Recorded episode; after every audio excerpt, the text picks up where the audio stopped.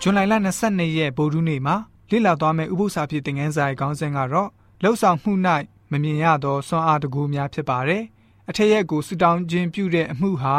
အကောင်းနဲ့အဆူတိုက်လံပွဲအတွက်အင်အားပြင်းထန်တဲ့လက်နက်ကြီးဖြစ်ပါတယ်။အကောင်းနဲ့အဆူတိုက်လံပွဲကိုမဟာပရိပခပွဲလို့ကျွန်တော်တို့သမုတ်တက်ကြပါတယ်။အရှင်းလင်းဆုံးအပြတ်သားဆုံးဖော်ပြချက်ကိုဒန်လအနာဂတိကျမ်းအခန်းကြီး30မှာတွေ့ရှိရပါတယ်။ ပြောဖက်ကြီးယေရမိကနေယူဒလူမျိုးတွေဘာဗလုန်နိုင်ငံမှာအနှစ်80ကျွံခံရမယ့်အကြောင်းကြိုတင်ဟောထားချက်ကိုတတိယလိမ့်မှာဖြစ်ပါတယ်။ဒန်လရဲ့အသက်တာနောက်ဆုံးပိုင်းကလေးမှာအဲ့ဒီပြောဖက်ပြုချက်အနာဂတိထားတဲ့အချိန်ဟာအဆုံးကိုရောက်လာပါတယ်။ယူဒလူမျိုးတွေကျွန်းတပောက်ဘွားကနေလွတ်မြောက်ခွင့်ရရှိတော့မှာဖြစ်ပါတယ်။ဒန်လအနေနဲ့လေးလေးနက်နက်ဆင်ခြင်ခဲ့ပါတယ်။ယေရမိရဲ့ရေးသားထားချက်စကားတွေကနေပြည့်စုံလာမဲ့ အရေးအယောင်ကိုလည်းပဲတွေ့မြင်လာပါတယ်။သို့တော်သူ့ရဲ့လူမျိုးတွေဟာကျွန်ခံနေရဆဲဖြစ်ပါတယ်။ဘာဗလုန်ကိုမေဒိပရတိတိုင်းကနေအနိုင်ယူသိမ်းပိုက်လိုက်ပါတယ်။သို့တော့ဂျူးလူမျိုးတွေဆက်လက်ကျွန်ခံနေကြရဆဲဖြစ်ပါတယ်။ဒိန်လဟာရဲသက်တပတ်၃ဘက်တိတိဆူတောင်းအစာရှောင်ခဲ့ပါတယ်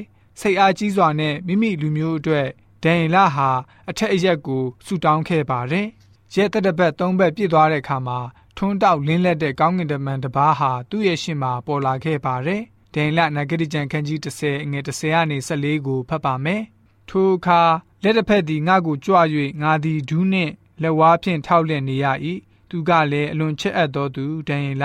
ငါစကားကိုနားလည်အံ့သောငါမှတ်တတ်နေလော့။သင်ရှိရာသို့ငါကိုဆီလွတ်တော်မူ၍ယခုငါလာပြီဟုဆိုလျင်ငါသည်တုံလှုပ်လျက်မှတ်တတ်နေ၏။ထိုအခါသူကလည်းအချင်းတိုင်လ မကြောက်နှင့်တင်သည်နားလည်ခြင်းက၎င်းတင်းဖျားရှေ့မှာကိုကိုကိုဆုံးမခြင်းက၎င်းစိတ်ပြထမ်းသော ပထမနေ့မှစ၍တင်းဤစကားကိုကြားတော်မူပြီးထိုစကားကြောင့်လည်းငါရောက်လာပြီပရိသိနိုင်ငံကိုအစိုးရသောမင်းမူကားအရက်21ရက်ပတ်လုံးငါကိုစီးတာ၏နောက်တစ်ခါအမျက်ဆုံးသောမင်းစုတဲကမိခေလသည်ငါကိုအကူလာ၍ငါသည်လည်းထိုအရက်၌ပရိသိမင်းကြီးတို့ထံမှဆိုင်းလင့်၍နေရ၏ယခုမူကား နောင်ကာလတွင်တင်းအမျိုးသားချင်းတို့၌ဖြစ်လက်တန့်သောအမှုရာတို့ကိုတင်းသည်နားလည်စေခြင်းကငါရောက်လာပြီ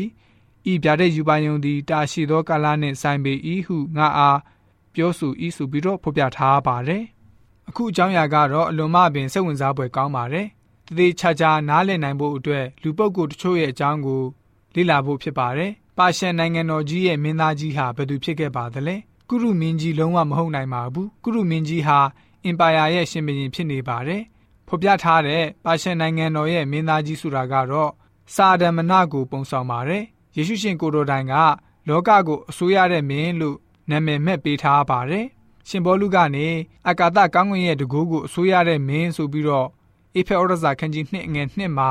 တင်စားခေါ်ဆိုခဲ့တာတွေ့ရပါတယ်။ပါရှန်နိုင်ငံရဲ့မင်းသားကြီးလို့ဆိုတာကတော့စာရမဏကိုဆိုလိုခြင်းဖြစ်ပြီးတော့အဲ့ဒီနောက်မှာမိကေလဟာဘယ်သူလဲ မိဂေလဆိုတဲ့စကားအခေါ်ကိုတမန်ကျမ်းစာမှာ၅ချိန်တွေ့ရပါတယ်။မိဂေလအကြောင်းကိုတည်တည်ချာချာလေ့လာကြည့်မယ်ဆိုရင်ထာဝရဘုရားနဲ့တူတဲ့သူလို့အဓိပ္ပာယ်ရှိပါတယ်။တစ်ဖက်မှာလည်းပဲယေရှုရှင်ကိုကောင်းကင်တမန်ဘိုးချေတွေရဲ့စစ်ဦးစီးချုပ်လို့ခန့်အပ်ပြီးတော့စာတန်ကိုတိုက်ခိုက်ချိန်မုန်းတဲ့နေရာမှာအမိန့်ပေးပိုင်သူအဖြစ်ကြော်ကြားပါတယ်။ခရစ်တော်ဟာသာရအသက်ရှင်တော်မူပါတယ်။အရာအလုံးစုံမရှိမီကတည်းကခရစ်တော်ရှိနေပြီးသားဖြစ်ပါတယ်။တကိုးတော်အလုံးစုံကိုပိုင်ဆိုင်ထားရှိတဲ့ ထထဖျားရဲ့သားတော်ဖြစ်ပါတယ်။များစွာသောတာဝန်ကိုထမ်းရွက်နေရင်စာတန်ကိုအရင်အဖျားမြမကြံ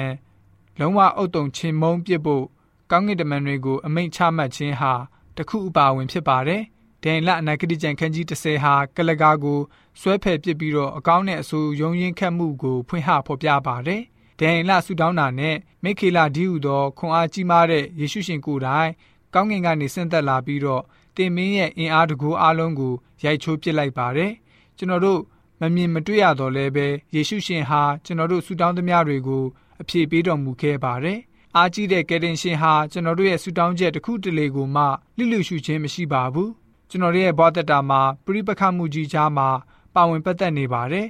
အဲ့လိုပါဝင်ပတ်သက်နေတဲ့အခါကျတော့ကျွန်တော်တို့အနေနဲ့ကျွန်တော်တို့ရဲ့ရွေးချယ်ဆုံးဖြတ်မှုဟာအင်မတန်မှပင်အရေးကြီးပါတယ် ဒီတော့ကြောင့်ကျွန်တော်တို့ယဉ်ကျေးသူများအနေနဲ့အကောင်ဆိုတိုက်လံပွဲမှာဆိုလို့ရှိရင်ကျွန်တော်တို့ရဲ့ရွေးချယ်မှုဟာဖျားရှင်ဘက်မှာရက်တည်ပြီးတော့ဆူတောင်းခြင်းဘက်မှာအားကြီးတဲ့ယဉ်ကျေးသူတွေဖြစ်စေဖို့အတွက်ဗုဒ္ဓနည်းဥပု္ပ္ပစာဖြစ်တဲ့ငန်းစာကဖော်ပြပေးထားပါတယ်။